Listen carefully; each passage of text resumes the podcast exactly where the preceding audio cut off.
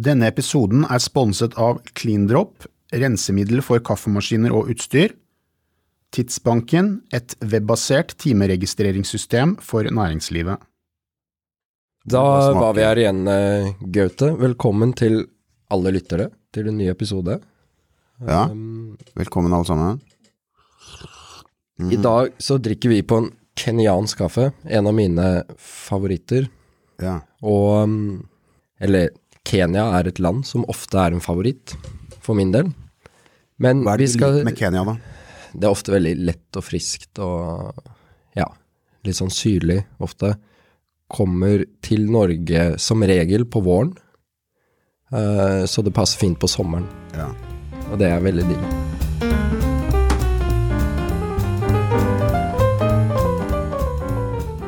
Men vi har med en uh, som kan masse om eh, opprinnelsesland i dag. Det er Morten Wennersgaard fra Nordic Approach. Hei, Morten. Hei, hei. Hva er jobben din? Jobben min er å øh, rett og slett bygge relasjoner til produsenter i, øh, i, øh, i land hvor kaffen dyrkes og vokser og produseres. Og hente inn det som råvare, altså det vi kaller grønne bønner.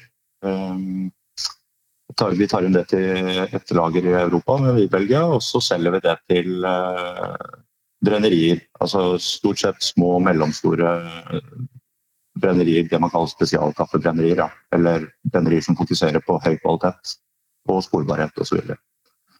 så det øves vi. Jobber i Afrika, Sør-Amerika, litt i Asia, i forskjellige land.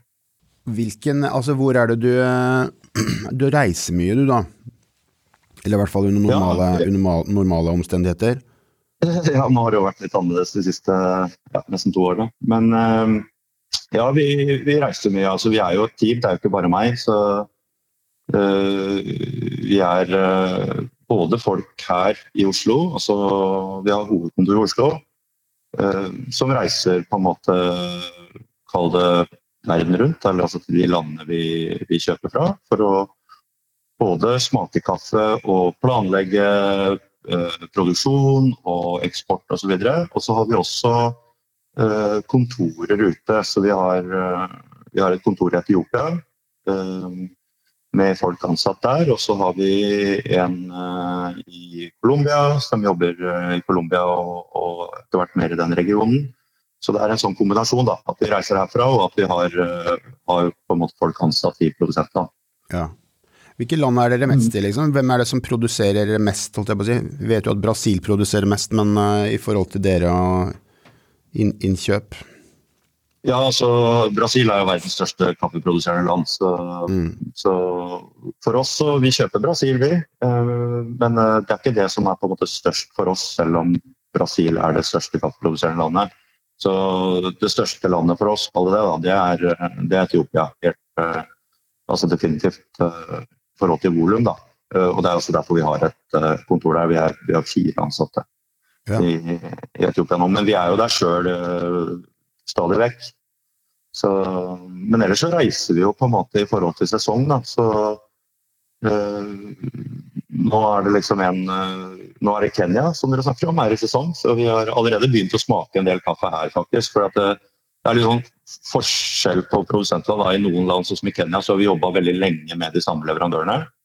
Og da er det lettere å synkronisere, sånn at vi på en måte får mye prøver hit og kan gjøre en del av jobben her i Norge. I hvert fall sånn eh, liksom altså i starten, sånn som, som det er nå. Nå er det starten på innkjøpssesongen i Kenya. Så nå har vi ja, kjøpa, altså smakt. da. Vi smaker jo alle kaffene før vi kjøper de, og er veldig spesifikke i forhold til hva vi, hva vi eh, både ser etter og forventer. Og dette er jo planlagt da, ikke med, med på en måte produsentene og eksportørene, så vi har liksom spekker på hvilke eh, områder vi skal kjøpe fra, hvilke produsenter vi skal kjøpe fra, hvilke prisnivåer på kvalitetsnivåer. Så nå har vi akkurat smakt gjennom 50 kaffer de to siste dagene. Ja. Eh, på, på ny høst Kenya, da. Eh, Men nå skal jo da hun Joanne, en som Joanne, som, som jobber for oss, men som er ansvarlig for innkjøp her, hun eh, skal da til Kenya i januar. Og både møte produsenten og leverandøren og smake Da kommer hun til å smake hundrevis av kaffe. liksom. Eh, Så, ja. Og så Samtidig så er det sesong i Etiopia, så selv om vi har kontor der, så skal vi også komme til å være der mye da i januar, februar, mars. Ja, og så videre. Og så kommer Colombia i mai, og så sånn går det. Ja. Du sier jo nå, og bare for å ta den, så er jo episoden spilt inn rett før jul. Mm. Eh, når lytterne hører det, så er vi kanskje i, på nyåret en gang. Men eh, jeg hører jo allerede at det er jo ekstremt mye å snakke om eh, kanskje på hvert eneste land. Eh, du snakker om at du har eh, gode forhold til det landet, og de har de og de systemene. Men uh, hvis jeg ser på på en måte hylla i kafeen jeg er i, eller en annen kafé, så ser jeg ofte land eh, Kenya, Etiopia som er nevnt, Colombia, Honduras, Brasil, El Salvador, Guatemala. Er, er, det på en måte et sånn vanlig utvalg innenfor spesialkaffe, vil du si? Ja, det vil jeg si. Ja. Det, er, eh, det, er, ganske klassisk. Men nå det er jo på en måte endrer seg sånn eh, med jevne mellomrom. Da. Så du kan si altså når jeg starta i kaffe for ja, nå er det snart 20 år siden, da. Men eh, da var det ikke så For det første så var jo ikke liksom Kall det single origins eller kaffer fra eh, spesifikke farmer var jo ikke så vanlig å se. Men eh, i, i, forhold til land da, så var det kanskje mer type Sentral-Amerika eh, og Brasil. Mm. Eh, og Colombia til dels. Eh, altså en overvekt av det. Og så var det noe Afrika, men det var ikke veldig mye Kenya for eksempel, som vi snakker om nå, da, på den tiden i hyllene. Det var, det var, liksom, det var dyrt, og det var mange som syntes det var syrlig og, og, og, litt for intenst. og sånn, så, så, det går jo i sånne trender. Og nå er det jo andre land som på en måte kommer mer og mer. Peru er et av de. Eh, Indonesia er jo liksom på blokka. så og så er det litt i forhold til markeder. Nå snakker vi om Norge, så jeg vil si at det, det du sa nå, er veldig sånn ja, et, et, godt og typisk utvalg av, uh, av kaffe. Da. Men det er mange andre land også som har kommet de senere åra med høy kvalitet, da, som blir mer og mer eh, representert. Men kan du, kan du, på en måte kategorisere litt fra hvilket, uh, hvordan kaffene er fra forskjellige land eller områder, kontinenter, altså spesifikt? Dette skiller seg ut fra den kaffen osv.? Ja, til en viss grad så kan man det, altså. Eh, det vil jeg si. Så, eh, og det er jo litt av hvert fall sånn som vi jobber, da, så ønsker jo vi å jobbe med en, eh, en diversitet. Da. En, en, portfolio som på en måte utfyller hverandre i forhold til forskjellige smaksretninger. og, og Sånn at man får opplevelser, forskjellige opplevelser da, fra de forskjellige landene, og også fra forskjellige regioner i disse landene. Da. Så det kommer vi kanskje litt tilbake til. Men, men, uansett så kan du si at jeg vil si Brasil er jo liksom kjent for en litt mer sånn, kall det eh, bløtere, balansert, nøtteaktig, kanskje sjokoladeaktig eh, kaffe. Men når det er sagt, altså vi jobber i Brasil for å finne ting som ikke er typisk Brasil, kanskje, men allikevel annerledes enn en fra de andre landene. da. Så vi har kanskje kaffer som er litt mer en sånn kombinasjon av Sør-Amerika, Sentral-Amerika og Brasil. Mer frukt og sånn. Og vi jobber bare med naturals der, da. Sånn at du får fram Det er den type fermenteringsprosess.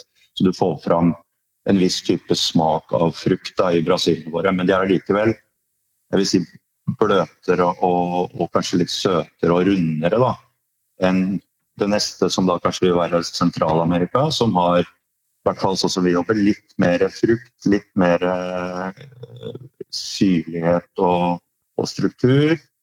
Uh, samtidig som de også på en måte kan være søte og ganske balanserte. Og så kan du si så har du Afrika, som er en annen stil igjen.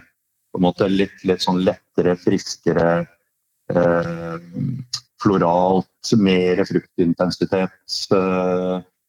kanskje tydeligere kaffe for mange. da. liksom Si, Brasil er vel kanskje et sånt land altså Det smaker kaffe, liksom, sånn som folk tenker at kaffe smaker. Litt sånn, ja. Mm.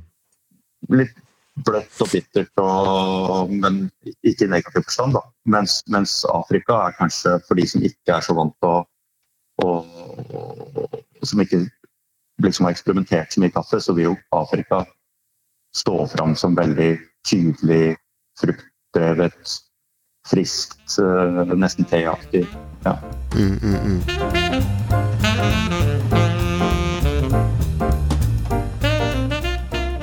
Vi, altså i, I vinverden så kan man jo gjerne snakke om at en vin bør smake sånn og sånn etter drue og område. Hvis jeg, sist jeg var på polet så spurte jeg om en pinot noir fra, jeg tror det var England, og da var jo kommentaren at den smaker ikke pinot noir, men den er god. Eh, men den smaker jo åpenbart pinot noir fra det stedet i England, siden det er det. Men det høres jo ut som sånn er det ikke i kaffeverden. Altså, du sier at du leter etter kanskje ting som ikke er klassisk for Brasil, i Brasil.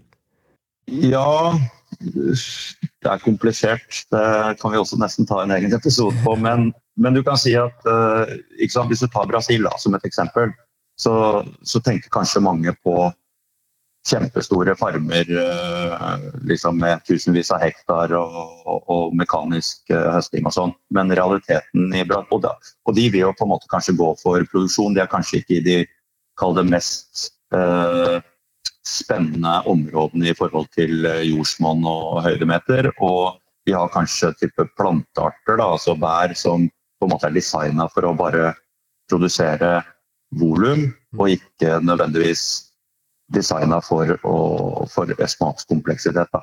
Men realiteten i Brasil er jo at det er veldig mange små farmere. 20-30-40 hektar. Eh, altså små farmere relativt sett i forhold til hva, hva Brasil har. Da. Det vil jo være kjempesvært i Afrika, ja. men, men, eh, men i Brasil så er det små farmer. Og så kan du si at da tradisjonelt, eller for volumbusinessen i Brasil, så vil jo alle disse farmene bare bli blanda, ikke sant. De, de hiver all kaffen i en haug, og så skuffer de det ut i konteinere. Uten å liksom gå inn i materien og, og, og se hva kaffen smaker fra den farmen i forhold til den farmen osv. Men sånn som vi jobber, så går vi inn på farmnivå. Og så liksom For det første så smaker man da ikke bare på, fra forskjellige farmer, men man smaker mange batcher da, fra hver farm. Og da kan man begynne å selektere, og da vil det være ting som står fram som annerledes. Og i tillegg så jobber jo vi da langsiktig med, med farmerne våre. Sånn at når vi har funnet noe som vi syns har potensial, så vil vi kanskje begynne å, å, å bore i det og jobbe fram det og finne ut av hva er det du har gjort her, hvordan er den prosessen, hvordan er fermenteringa. Og så kan vi planlegge da for neste sesong f.eks. at vi gjør mer av den spesifikke prosessen med den farmeren, og da får man fram andre produkter, selv om, selv om det ikke på en måte er noe øh, veldig annerledes som er gjort, eller noe magi bak det. Men når det er sagt, så har vi også andre prosjekter hvor du virkelig investerer og, og jobber aktivt, proaktivt da, for å få fram spesielle smaker. Men det er, øh, det er litt mer sånn, øh, ja, sånn forskjellig prosessering og sånt som man kan gjøre for å tweake på en måte smaksbildet. Mm. Og så er det, og så er det vari altså varieteter eller forskjellige bærtyper da, som vil uh, avgjøre. Ja, så man, man kan på en måte åpenbart knytte smak til et land, og gjerne Ja. bønnetype eller plantetype, men kaffeverden er kanskje litt mer eksperimentell akkurat nå, kan man si. Ja, den er, eh, den er det. Så du kan si at sant, for, for klass, sånn klassisk kaffeproduksjon, da, så er det ganske Det er vel, i hvert fall veldig enkelt å smake forskjell på en, en typisk velprosessert Brasil og en velprosessert Kenya, Mm. basert på de klassiske metodene vi bruker. Altså Det er ville verden i forskjell, liksom. Ja. Um, og så er det som du sier, så kan man gjøre mye med prosess, og da kan man plutselig nærme seg hverandre. Da kan nesten en Kenya smake som en Brasil, fordi man, det, er så mye, det er så mye smak av prosessen da, som på en måte Og vi jobber veldig mye med det, og det er spennende, men i forhold til vin, da, så er jo kaffe Jeg syns at man kan sammenligne kaffe på veldig, veldig mange måter med vin. Eh, og det er enkelt, men samtidig så har vin en, en mye lengre tradisjon, og det er mye mer vitenskap bak det. og sånn i forhold til kaffe, Så det er eh, veldig sånn eh, prøv og feile-greier i, i kaffeverden. Ja. Og ja, så det er ikke så god, det er ikke så sant, det er ikke så på en måte satte systemer. da. Jeg syns det høres litt gøy litt av det du sa i stad også, eh, hensyn til at eh, når dere si, eh, om, om jeg forstår riktig, da, eh, velger ut kaffe fra ulike steder, at dere har jo en mulighet til å kunne spisse og tydeliggjøre at vi vil ha akkurat den kaffen fra det landet eller det området for å få forskjeller, da. At, eh, som du sier nå, noe flyter jo veldig sammen, og du kan få Kenya til å smake Brasil, men når dere velger ut kaffe, eh, vi vil ha den smaken derfra, vi vil ha den smaken derfra. Eh, Tenker dere liksom bevisst på sånt? Ja, ja. Det er det som på en måte er det, er det som egentlig er på en måte konseptet vårt. Uh, kall det da.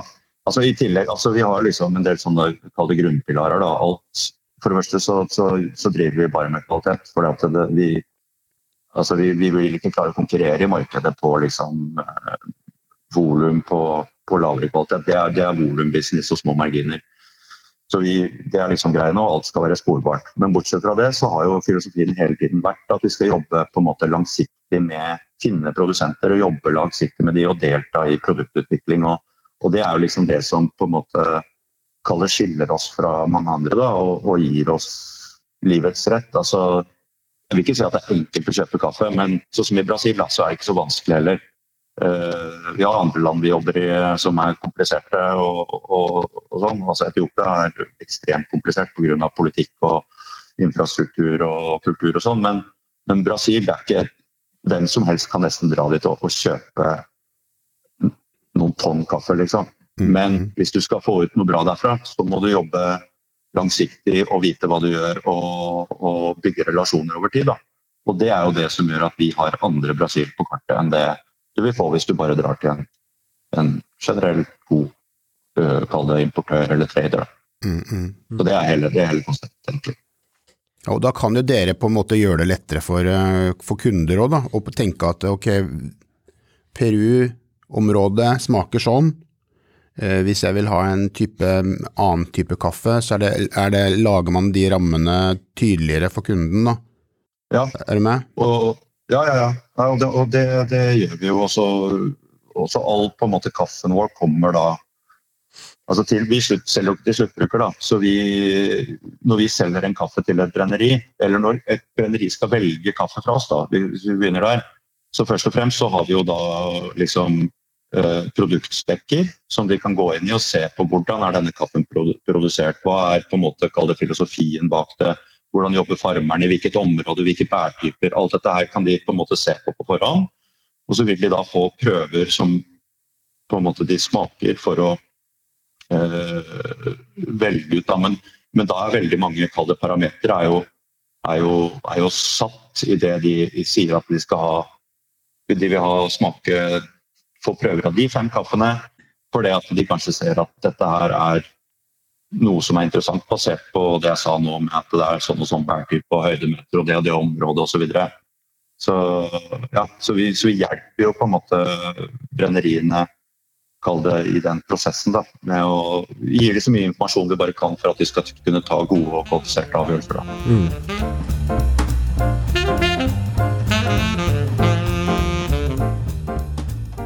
Du snakker jo om at uh, dere jobber bare med kvalitet, og det vet vi jo. Uh, men uh, altså hvert, hvert, land, eller i hvert fall veldig mange kaffeproduserende land, har graderingssystemer. Men når du snakker om kvaliteten dere jobber med, så er jo det det man gjerne kaller spesialkaffe. Og der finnes det et graderingssystem også, som da gå på en skala fra 0 til 100, hvor såkalte Q-graders scorer disse kaffene. Du er kanskje det selv, jeg vet ikke. Uh, men Jeg er ikke, jeg er ikke sertifisert Q-grader, men jeg har smakt kaffe i 20 år, så jeg har liksom aldri, jeg ja. aldri fått den. Men uh, er, det, er det på en måte dere som gjør den jobben? Finner dere en kaffe og scorer den og vurderer om den er uh, god nok kvalitet? Ja, det, det, er det vi gjør. Det gjør vi ja. hver dag eh, hele tiden med alle kaffer og på alle mulige stadier i prosessen. Uh, så det gjør vi på en måte før vi kjøper de. Uh, noen ganger så gjør vi det under prosessen for å kalibrere med de produsentene vi har og si er, vi, er dette riktig retning osv. Og, og så smaker vi det da selvfølgelig for å endelig kontraktere det. Og så smaker vi det før det blir sendt for å sjekke at kvaliteten er, er, det den skal være før den skipes. Og så kommer den til Norge, og så nei, til Belgia. da. Eller altså Vi får prøvene inn her på laben i Norge, så smaker vi det igjen. Og så smaker vi det etter å ha ligget på lager. Så det, vi smaker kaffe her hver eneste dag. eh, Og vi er tre-fire stykker som på en måte hele tiden eh, tepper, da, som vi kaller det. Smaker Ja. kaffe. Og graderer det etter det systemet, som du sier, på en 100-poengsskala. Og I tillegg så må vi se på andre fysiske parametere som fuktighet, vannaktivitet, eh, fysisk på, på, på bønnene, da, om det er på en måte eh, eh, visuelle tegn på defekter eller mugg eller overfermentering osv. Så, videre. så det, det gjør vi hele tiden. Ja. Men da er det altså sånn at eh, det må score over 80, er det ikke det, for å være spesialkaffe? Nei, jeg uh, syns det er for lavt. Du er det. Så Ja. ja.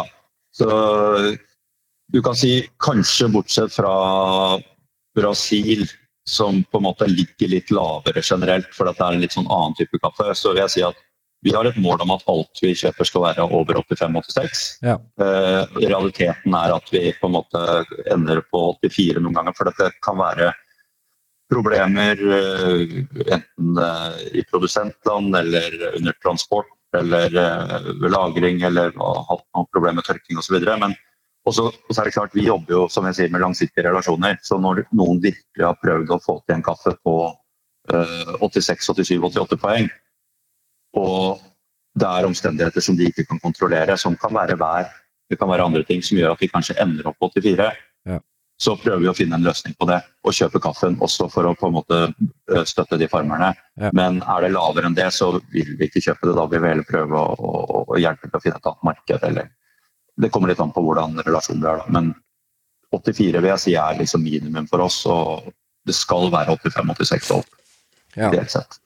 Dette, det, altså, grunnen til at jeg spør er jo på en måte fordi begrep som spesialkaffe kommer opp av og til, og jeg tror vi aldri har nærma oss en definisjon. Og så har jeg sett nå at uh, Specialty Coffee Association, som vel står for den offisielle definisjonen, de har akkurat starta et program de kaller Redefining Specialty Coffee. Så det kommer kanskje noe nytt der i løpet av et par år, men ehm, det står jo ikke på posene, så for en forbruker så er det ikke nødvendigvis så relevant når det først er kjøpt av dere og så kjøpt av eh, ja, eh, Jacobsen og Svart eller eh, Langøra eller Jaku eller hvem det måtte være, så, så vet man jo at det er kaffe av høy kvalitet. Um, men, men for de som er litt mer interessert, så går det jo an å gå inn på nettet og se, se på dette, se på disse scorene. Eh, smakte, Ja, ja, Så jeg smakte akkurat en fra dere som Eller som jeg mener jeg scora dere på 88,7 eller noe sånt, tror jeg. Hambela Vamena. Anaerobisk Ja. fermentert. Uh, og, og, og jeg prøver jo å smake før jeg ser en skål, da. For min egen del. Mm. Det tror jeg er lurt. Uh, og den var veldig bra, men som vi var inne på tidligere, så var det ganske sånn prosessdrevet smak, vil jeg si, da. Uh, Ja. Men mye etiopisk også. Altså, den hadde et uh, særpreg fra, fra sitt, uh, sin opprinnelse òg, vil, vil jeg si, i hvert fall. ja.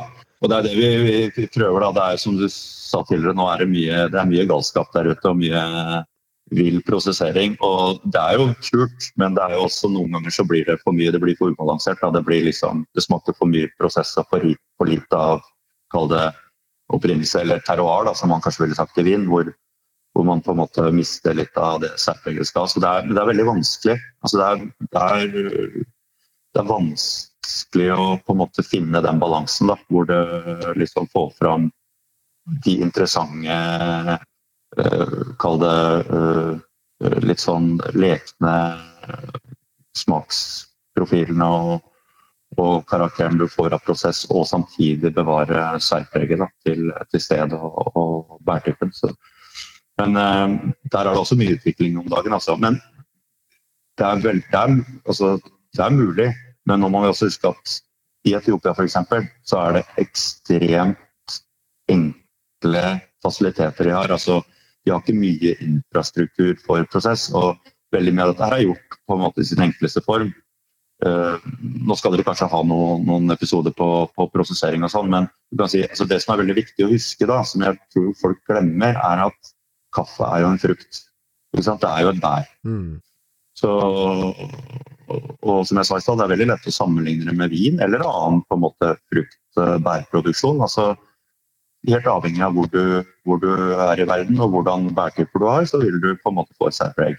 Og Du kan også på en måte gjøre enkle ting for å fermentere det, for det fermenteres så naturlig. Så når du tar på en måte bærene for eksempel, da, og tar de i plastsekker, og, og, og, bare lukker de sekkene og lar de ligge i to dager, så starter det liksom en, en, en vill fermentering.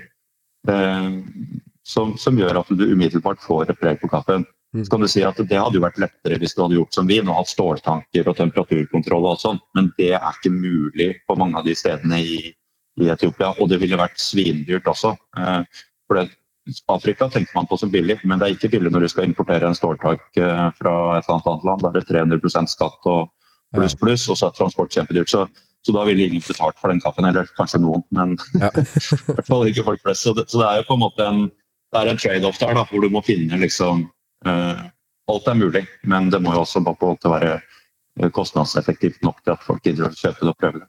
Ja. Så, så, det er veldig spennende. det. Ja, for jeg, tenker, jeg tenker litt på det der med bønnetyper og sånne ting. og uh, Hvordan Uh, Er det stor forskjell fra la oss si Katura, fra ulike land, da, eller ulike regioner eller kontinent? Eh, det er jo mange, det er sånn som vi har snakket om jordsmonn og, og høyde over havet og alt sånne ting.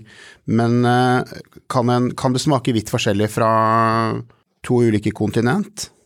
En uh, Katura f.eks. som du refererte til nå, ja? Ja, for eksempel. Og, absolutt. Altså det, det, det vil smake Du kan være på, i en liten region i Colombia f.eks. Så vil du på den ene åssiden ha en Katura på kall det 1800 meter over havet som vil smake annerledes enn en Katura på andre siden av dalen på akkurat samme høydemeter. Og jordsmonn kan være litt forskjellig eller tilnærmet likt. Allikevel så vil det være solforhold og skygge der de er, og eh, alt mulig som vil påvirke dette. her. Og I tillegg så har du forskjellige generasjoner av f.eks. Katura. Da.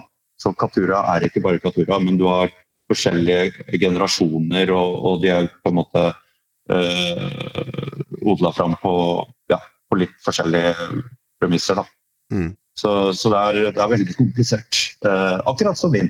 Hvor ja. du på en måte prøver å ta en eh, Du snakka om en pinot i stad. Så prøver du å ta en pinot og så flytte den til et Du kan bare ta noen vinmarker borti gata, og så vil det kanskje være annerledes. Ja. Og Sånn er det med kaffe. Det er egentlig igjen, det er en nei, så det er veldig, veldig likt. Altså.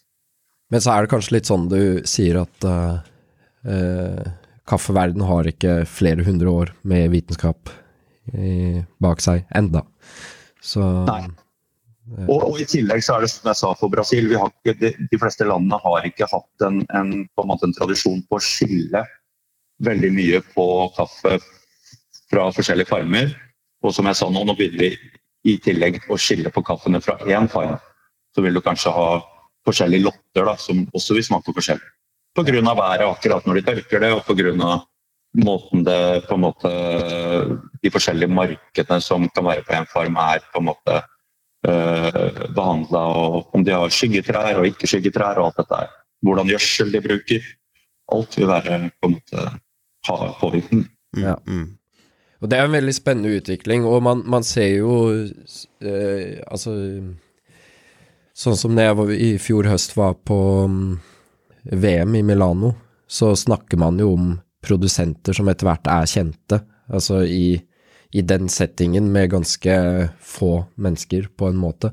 Så snakker man jo om den og den produsenten som folk har brukt før, og jeg tror i finalen så var det to eller tre med samme produsent. Men dette er jo en bitte, bitte liten del av et lite marked, hvis man liksom ser på det totale kaffemarkedet, da. Så jeg, jeg tenker jo viktighet, Det vi snakker nå, viktigheten av de som kommer og har lyst til å, å på en måte utforske litt da, i kaffen. Altså de som er hva skal man kalle det, rekrutter da, i kaffeverdenen. Mm. Hva skal man da, hvor skal man da begynne? Ikke sant? Jeg har lyst til å lære meg noe, jeg har lyst til å begynne å smake på denne spesialkaffen. Eh, hvor skal jeg begynne, hvis jeg har går vekk fra masseprodusert kaffe da, og, og begynne å utforske litt? Nei, altså nå, det, Da tenker jeg at nå er det jo jeg mener Hvis du bor et sted og du har en, en, det en bra kaffebar da, eller et lokalt brenneri, så er det jo kult å begynne der og, og snakke med de. de. de. har jo ofte bra med kunnskap, de, og, og, kan på en måte spørre om det er mulig å få liksom noen uh, forskjellige kaffe fra forskjellige land med forskjellige prosesser, og, få litt informasjon. Um, så det er et uh, fint sted å begynne, det, og da kan man jo kanskje ja, kommer an på kaffebaren, men man kan jo spørre om å få smake forskjellige kaffer når man er der. Men uh, ellers så er det jo, det er jo nå, Du kan jo handle masse på nett, og jeg mener masse av de brenneriene vi selger til, de har på en måte bra med informasjon på nett. Du kan kjøpe, prøve ut forskjellige ting, du kan ta abonnementer. Men hvis du skal få noe ut av det, da, så må du kanskje hjemme prøve å, å gjøre det litt systematisk. At du har kanskje to eller tre kaffer som på en måte, i hvert fall sånn utgangspunktet skal være forskjellige. Og så kan du på en måte lage deg kanskje to-tre små presskanner av det, eller eh, prøve å finne et system da, så du kan smake ting mot hverandre. Om du brygger tre forskjellige kaffer og, og smaker etter det, eller om du ja, lager presskanner eller kan lage en sånn kokekaffe. Det funker, det òg. Men du må jo ha bra eller du må ikke ha bra, veldig bra utstyr, men du må ha litt utstyr. Du må ha kvern, f.eks. helst. Mm -hmm. men eh, det kan du også få hvis du er på en kaffebar, så kan du selvfølgelig si du, hvordan du skal brygge det, og så få de til å gjøre det beste ut av det da, i forhold til de forutsetningene du har hjemme. Men i utgangspunktet, kjøp to-tre forskjellige kaffer, gjerne med forskjellige prosess fra forskjellige land, og smak dem mot hverandre. Det er ikke så vanskelig som folk tror å smake forskjell. Men det er det å ha sammenligningene. sammenligningene. Tar du en, en kaffe en dag og en en annen dag, så har du ikke den samme minnene til å kunne sammenligne? Nei, det er vanskelig. Og ja, så må man på en måte kanskje sette på seg en Litt sånn som mange har jo på en måte prøvd vinsmaking. da. Må, må være litt sånn i samme modus som det. Ikke egentlig bare tenke på hva du liker og ikke liker, men hva er det, man, hva er det som egentlig er her? Er, hvor, er det forskjellige typer sødme, bitterhet og, og syrlighet. Det er liksom grunnleggende ting her. Men så kan man også, hvis man tenker at kaffe er et bær, hvis man tenker at kaffe er en frukt, så kan man begynne å se om man finner noe noter av frukt, eller toner eh, eller smaker av type frukt og sitrus og osv. Hvis man leter, hvis man liksom prøver å se under det liksom, litt sånn der typiske som man kjenner igjen ved kaffe, så er det ofte mye undertoner, da. Mm. Mm. Ja, og så tror jeg det du sa der eh, om at man legger litt til side hva man liker og ikke liker, er en god tilnærming, på en måte. For når dere, som vi snakka om tidligere, denne eh, kvalitetsvurderingen dere gjør, så handler ikke det om hva dere liker. Det handler jo om å vurdere kvaliteten på råvaren. Um, ja, helt riktig. Så, så det, og det går an å tenke at noe har god kvalitet selv om man ikke liker det, og motsatt. Absolutt. Og jeg mener, vi er jo, vi er jo bare folk, vi òg, så vi må jo liksom tenke, prøve å være så objektive som vi bare kan da, når vi smaker kaffe. Det er ikke sikkert at jeg personlig liker all kaffen jeg scorer 87 eller 88, Nei. men jeg, ut fra alt jeg vet, og, og, og sånn, så, så, skjønner jeg at dette her er på en måte en kaffe som er veldig bra produsert. Den har et smaksbilde pga. bærtype og, og jordsmonn og klima som på en måte blir veldig bra representert i den, eh, i den koppen. da. Og da, da, kan ikke jeg score en liksom 80 fordi at jeg personlig ikke syns det er en digg kaffe. Da er man nødt til å, å, være objektiv. og Derfor så har du dette scoringssystemet hvor du, du tikker av liksom på forskjellige typer attributter. attributter eller mm. eh, kategorier da, som du må liksom eh, bedømme. Mm.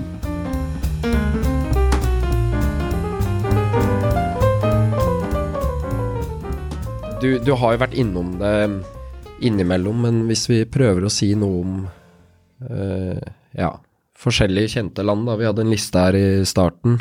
Uh, men Kenya, Etiopia, Colombia, Brasil, kanskje Honduras uh, vi innimellom. Er det noen sånn generelle ting? Vi har jo snakket om at det er komplisert flere, flere ganger, og vi har snakket om at det er mye som påvirker, at det er mye prosesser etter hvert. Jeg vet du, du har i hvert fall minst én kollega som er veldig inn i dette med nye fermenteringsmetoder, så vi kan ta en annen episode med det, kanskje. Men eh, er det noen sånn typiske ting da, for disse landene man kan si smaksmessig? Ja, altså det var jo litt det jeg var inne på i stad. Altså, jeg vil jo si hvis man eh, liksom eh, tar Afrika, da. Hvis man, hvis man har lyst på mer eh, Hva heter det Jeg snakker så innmari mye engelsk når jeg snakker kaffe, så jeg må nesten leite etter ordene på norsk. Men, men, poenget er at hvis du, hvis du, leter etter mer ekspressive kaffer, da, altså tydelige kaffer med mye på en måte frukt og, og, og bær og, og veldig sånn klare smaksbilder og, og lette, friske kaffer, så er definitivt Afrika liksom eh, greia. Og da mm. Kenya og Etiopia er jo de som er mest kjent for det. Men Afrika er andre ting òg. Vi jobber i Uganda nå. Det er, eh, det er relativt høy produksjon der fordi de har mye robusta og sånn. Og de har mye arabica, men det er lite spesialkaffe. Men det kommer. Det er veldig spennende land, for det er litt sånn, kanskje litt sånn midt imellom. da. Uh, midt imellom type Kenya, Etiopia, som man tenker på som Afrika, og kalle det Colombia f.eks. De har et sånn ja, Det er en mellomting der. Um, og så ja, så Colombia f.eks. er jo noe som er kjent som en sånn masse Eller altså litt sånn kommersiell kaffe, men der er det også ekstremt mye nyanser, da.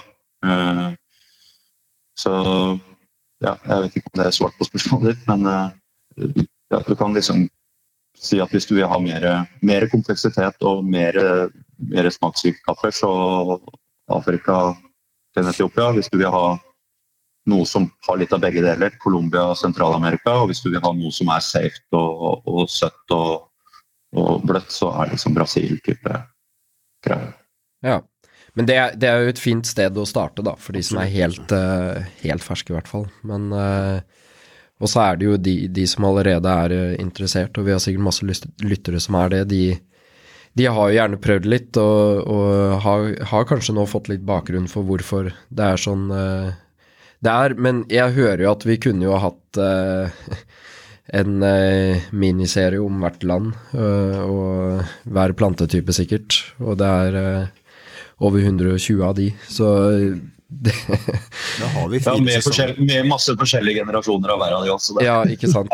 det er mye å snakke om. ja. um, jeg tenker jo at nå har vi jo, i hvert fall når vi spiller igjen denne episoden, da, så har det akkurat vært jul og det er advent. Og jeg tenker jo for alle de som har lyst til å prøve, om ikke du gjør noe før, så bør du kjøpe en, en adventskaffekalender neste jul, ja. neste høst. Det, det kan så har du muligheten til å Det finnes det jo flere, flere produsenter som gjør.